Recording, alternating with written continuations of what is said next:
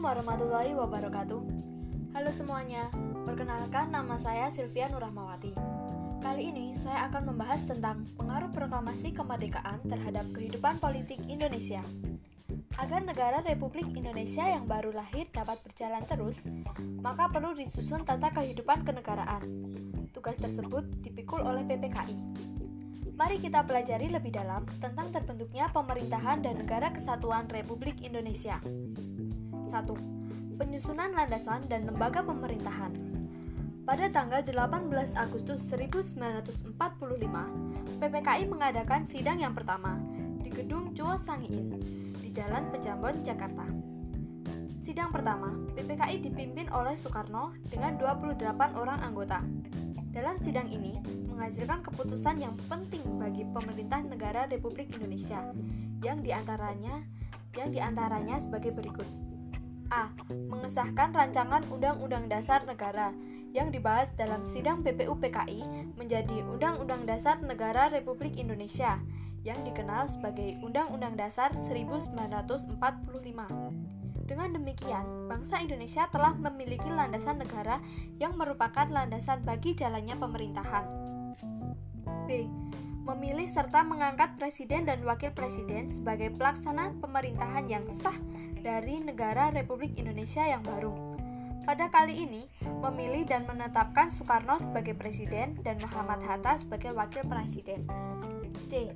Membentuk Komite Nasional Indonesia sebagai lembaga yang membantu presiden dalam melaksanakan tugas-tugasnya sebelum terbentuknya DPR dan MPR melalui pemilu.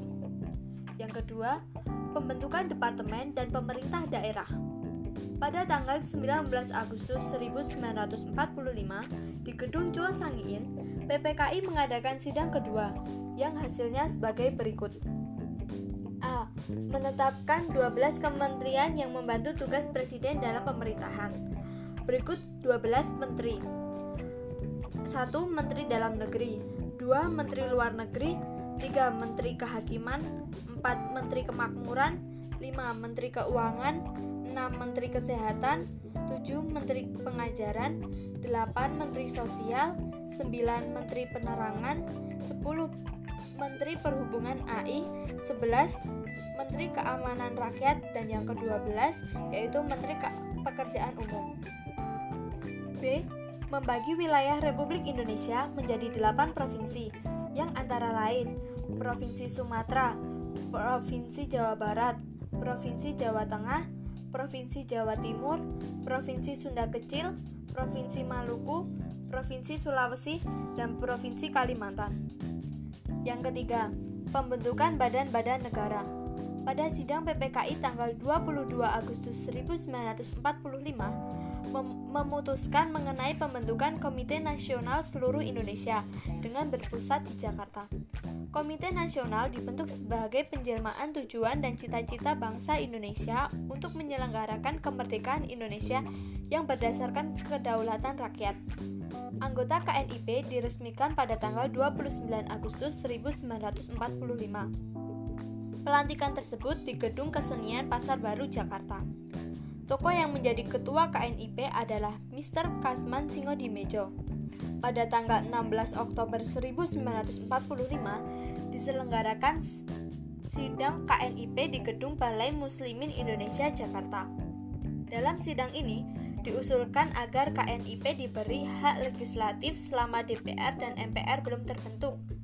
Syahrir dan Amir Syarifuddin juga mengusulkan adanya PKNIP atau Badan Pekerja KNIP untuk mengerjakan tugas-tugas operasional dari KNIP akhirnya dibentuk BKNIP yang diketuai oleh Sultan Syahrir. Yang keempat, pembentukan berbagai partai politik. Pada sidang PPKI tanggal 22 Agustus 1945 juga memutuskan adanya pembentukan partai politik nasional yang kemudian terbentuk PNI. BKNIP mengusulkan perlu dibentuknya partai-partai politik yang kemudian ditindaklanjuti oleh wakil presiden dengan maklumat yang berisi sebagai berikut. A. Pemerintah menghendaki adanya partai politik. B. Pemerintah berharap supaya partai politik itu tersusun sebelum pemilu PPR. Setelah dikeluarkan maklumat tersebut, berdirilah partai-partai politik yang antara lain Masyumi, Partai Komunis Indonesia, Partai Buruh Indonesia, Partai Rakyat Jelata, Partai Kristen Indonesia, Partai Sosialis Indonesia, Partai Rakyat Sosialis, Partai Katolik Republik Indonesia, Persatuan Rakyat Marhain Indonesia, dan Partai Nasional Indonesia. Selanjutnya, pembentukan organisasi ketentaraan. Pada rapat PPKI tanggal 19 Agustus 1945, diusulkan kepada Presiden Republik Indonesia untuk membentuk panitia kecil yang bertugas membahas pembentukan tentara kebangsaan. Pada sidang PPKI tanggal 22 Agustus 1945, memutuskan pembentukan Badan Keamanan Rakyat atau BKR. Badan ini ditetapkan sebagai bagian dari Badan Penolong Keluarga Korban Perang atau BPKKP. BPKKP ini merupakan induk organisasi yang dibentuk dengan tujuan memelihara keselamatan masyarakat. Presiden Soekarno mengumumkan pembentukan BKR pada tanggal 23 Agustus 1945. Tujuan pembentukan BKR adalah menghindari permusuhan dengan kekuatan-kekuatan asing di Indonesia dan menjaga keamanan masing-masing daerah. Pada tanggal 5 Oktober 1945, pemerintah mengeluarkan maklumat yang meresmikan berdirinya Tentara Keamanan Rakyat atau TKR. Urip Sumoharjo menjabat sebagai Kepala Staf Umum TKR dan sebagai Panglima TR, TKR ditunjuk Supriyadi atau tokoh pahlawan peta di Blitar. Karena Supriyadi tidak pernah menduduki jabatannya, dalam konferensi TKR yang diselenggarakan di Yogyakarta pada tanggal 12 November 1945, terpilihlah Kolonel Sudirman atau Komandan Divisi 5 Banyumas. Sebulan kemudian, Sudirman dilantik sebagai Panglima Besar TKR dengan pangkat jenderal dan Urip Sumoharjo menjadi Kepala Staf Umum TKR dengan pangkat Letnan Jenderal. Tugas utama Panglima Besar TKR adalah meninjau kembali struktur organisasi, struktur kerja, dan landasan perjuangan TKR supaya diadakan penyempurnaan lebih lanjut.